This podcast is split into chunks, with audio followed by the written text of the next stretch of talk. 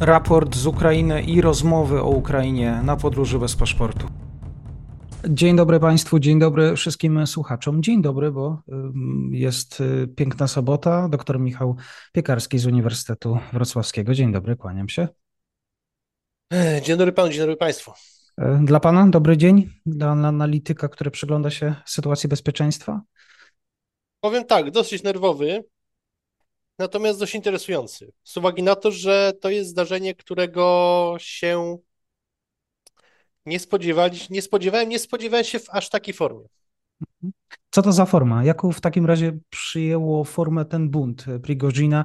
Wiemy o tym, że już e, w jakiś sposób e, siły Wagnerowców kontrolują Woronesz. E, jaki przybrał charakter ten właśnie bunt? Okay, więc przede wszystkim ja bardzo byłbym ostrożny, jeżeli mówimy o używaniu pojęcia kontrola jakiegoś terenu, bo to, co widzimy w tej chwili, to jest to, że ktoś gdzieś nagrywa albo fotografuje jakieś kolumny wojskowe, pojazdy ludzi Wagnera, ale sam fakt, że kolumna wjechała do jakiegoś miasta, nawet że zajęła jakiś obiekt wojskowy, e, czy jakiś budynek nie oznacza kontroli nad całym miastem, czy nad całym terytorium, no tym bardziej nad całym e, obszarem danego mm, tutaj obwodu. Więc byłbym bardzo ostrożny z używaniem tego typu sformułowań, bo one mogą sugerować, że jakaś część terytorium Rosji nie jest kontrolowana już przez władze e, Federacji Rosyjskiej. To jest trochę tak, jakbyśmy mm, mówili, że na przykład e, jakaś grupa przestępcza kontroluje jakiś obszar. To, że ona działa na jakimś obszarze, e, nie oznacza, że ona ten obszar kontroluje. Ona może sobie ściągać haracze mm, albo sprzedawać narkotyki, ale to nie znaczy, że kontroluje całość mm, terytorium. Tak samo w przypadku grupy Wagnera. Te siły tej, tej grupy się przemieszczają, przebywają, ale to nie oznacza, że kontrolują jakiś obszar. Mhm. W takim razie, co się dzieje, jak rozumieć te wydarzenia? Gra y, oligarchów, gra ludzi, którzy mają kontrolę nad wojskiem. Y, panie doktorze? Tak, w tej chwili tak naprawdę to poruszamy się w obszarze y, spekulacji. No, mi w tej chwili najbardziej prawdopodobny wydaje się scenariusz, w którym e, po prostu człowiek, który jest, e, proszę zwrócić uwagę, dołóżcie tej grupy, nawet z twarzy wygląda jak taki stereotypowy gangster z czasów rozkwitu mafii rosyjskiej. Jak sobie obejrzycie Państwo taki stary film Ronin, to zobaczycie Państwo, że tam występuje jedna z takich postaci, rosyjski gangster, który wygląda do, dokładnie, no, z twarzy jest bardzo podobny. To jest, y, mam wrażenie, że mam do czynienia z sytuacją, w której y, Pirogiżn i jego ludzie wykorzystywani przez Kreml Moskwonity, częściowo do nich dopuszczeni, dopuszczeni do pewnych działań, dopuszczeni do pewnego udziału w tej w zyskach, y, w mm, byciu zbatowanym z władzą, po prostu zerwali się z łańcucha. Po prostu to jest gra o, gra o pieniądze, w tle być może toczy się jakaś, jakaś gra o władzę na Kremlu, E, tych hipotez jest chwili mnóstwo. Ja nie czuję się upoważniony do tego, żeby w tym momencie powiedzieć, która jest y, mm, prawdziwa, właściwa, bo do tego potrzeba więcej informacji, których nie mamy. E, natomiast y, mamy do czynienia w tym momencie z sytuacją, w której po prostu gangster, który był wykorzystywany przez elity państwowe, zbuntował się w sytuacji, kiedy zagroziło, zagroziło mu to, że on e, po prostu wypadnie z mm, po prostu z, z łask, że jego zasoby mogą mu zostać zabrane. Ten konflikt zresztą tlił się już od dłuższego czasu.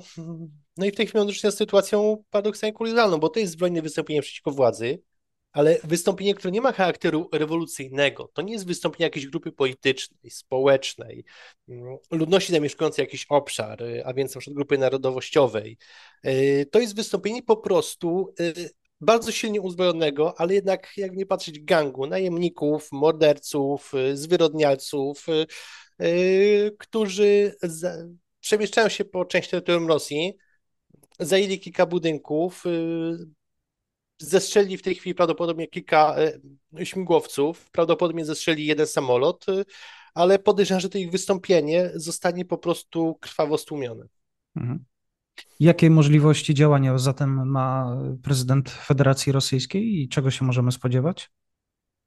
No prezydent y, w tej chwili już powiedział jasno, że to jest bunt. Z drugiej strony mamy ten komunikat Ministerstwa Obrony, który mówi, że zwykli najemnicy grupy Wagnera, szeregowi jej członkowie, mogą po prostu się poddać i w domyśle przeżyją. Bo wątpię, aby to była pełna amnestia. E, prawdopodobnie w tej chwili trwa e, mobilizacja tych zasobów, które mogą być użyte przez e, stronę rządową, czyli przede wszystkim aparat FSB, w tym jednostki specjalne, w tym Centrum Specjalnego Przeznaczenia, aparat Rosgwardii, aparat wojska i po prostu te siły, biorąc pod uwagę, e, że prawdopodobnie nie mają miejsca żadne wystąpienia masowe przeciwko władzy Putina, zostaną użyte po prostu do pacyfikacji tego wystąpienia i w ciągu kilku, góra kilkunastu dni mm, to e, ta rewolta się zakończy. Mhm. E, Putin, rozumiem, pyta się gubernatorów poszczególnych obwodów o to, czy są lojalni. Tutaj akurat chyba wszyscy są zgodni. No tutaj prawda, gubernatorzy już znacznie zadeklarował publicznie swoje poparcie. Prawdopodobnie ma miejsce jakaś forma sprawdzenia lojalności wśród tutaj wyższych dowódców wojskowych czy FSB, ale też znowu się jedno pytanie w tym momencie. Czy generalicja ma coś do zyskania, jeżeli przejdzie na stronę grupy Wagnera? Tutaj śmiem podejrzewać, że mają bardzo niewiele do zyskania, bo a bardzo dużo ryzykują bo jeżeli nawet jakiś generał przejdzie na stronę Wagnerowców, mm, po pierwsze, no stanie się celem do eliminacji, więc może stracić życie, może stracić majątek, e, może stracić swoją pozycję, swoje wpływy. I co ważne, tak naprawdę nie wiadomo, nawet gdybyśmy pozwolili sobie na bardzo daleko idący scenariusz, w którym dochodzi do załamania tegoż e, to ustroju władzy Putina, i nagle Wagnerowcy wchodzą do Moskwy, jakaś część elit y, rosyjskich y, y, wchodzi z nimi w kooperację, to teraz pojawia się pytanie, jak ta hipotetyczna Rosja po udanym puczu miałaby wyglądać. Tego nikt nie wie, podejrzewam, że nikt się nad tym nie zastanawiał wcześniej. Nie wiadomo, jakie byłyby reakcje międzynarodowe. E, w związku z tym tutaj ta niepewność przyszłości i bardzo duże ryzyko związane z przejściem na stronę, na stronę Wagnerowców e, może sprawić, że po prostu aparat państwowy i wyżsi funkcjonariusze tego aparatu państwowego będą po prostu woleli bronić status quo i będą starali się zachować swoją pozycję, demonstrując lojalność i działając w obronie aktualnego reżimu. Pojawiały się też teorie, że to pozwoli e, władzy putinowskiej wyjść z Ukrainy.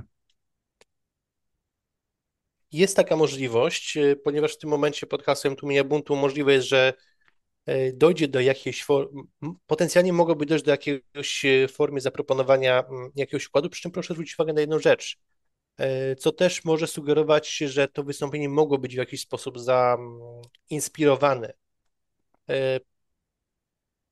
I znowu odwołam się do popkultury lat 90., kiedy naszym naczelnym straszakiem było to, że w Rosji jakiś zbuntowany generał czy inny wataszka dorwie się do broni atomowej. E, tutaj też e, Rosja może zagrać tą kartą. Patrzcie, e, tu są jacyś nieokrzesani gangsterzy, jakaś armia zwyrodnialców idzie na Moskwę. Mm, pomyślcie sobie, co się stanie, jeżeli oni zdobędą Kreml i będą mieli w ręku broń atomową taki straszak no dość desperacki, ale mógłby potencjalnie doprowadzić do, tak, do zaproponowania jakiejś oferty rozejmu w Ukrainie. Aczkolwiek znowu, to są tylko spekulacje i to bardzo daleko idące spekulacje. Bardzo dziękuję za ten komentarz. Doktor Michał Piekarski, kłaniam się. Do usłyszenia. Nie ma sprawy. Dziękuję, do usłyszenia.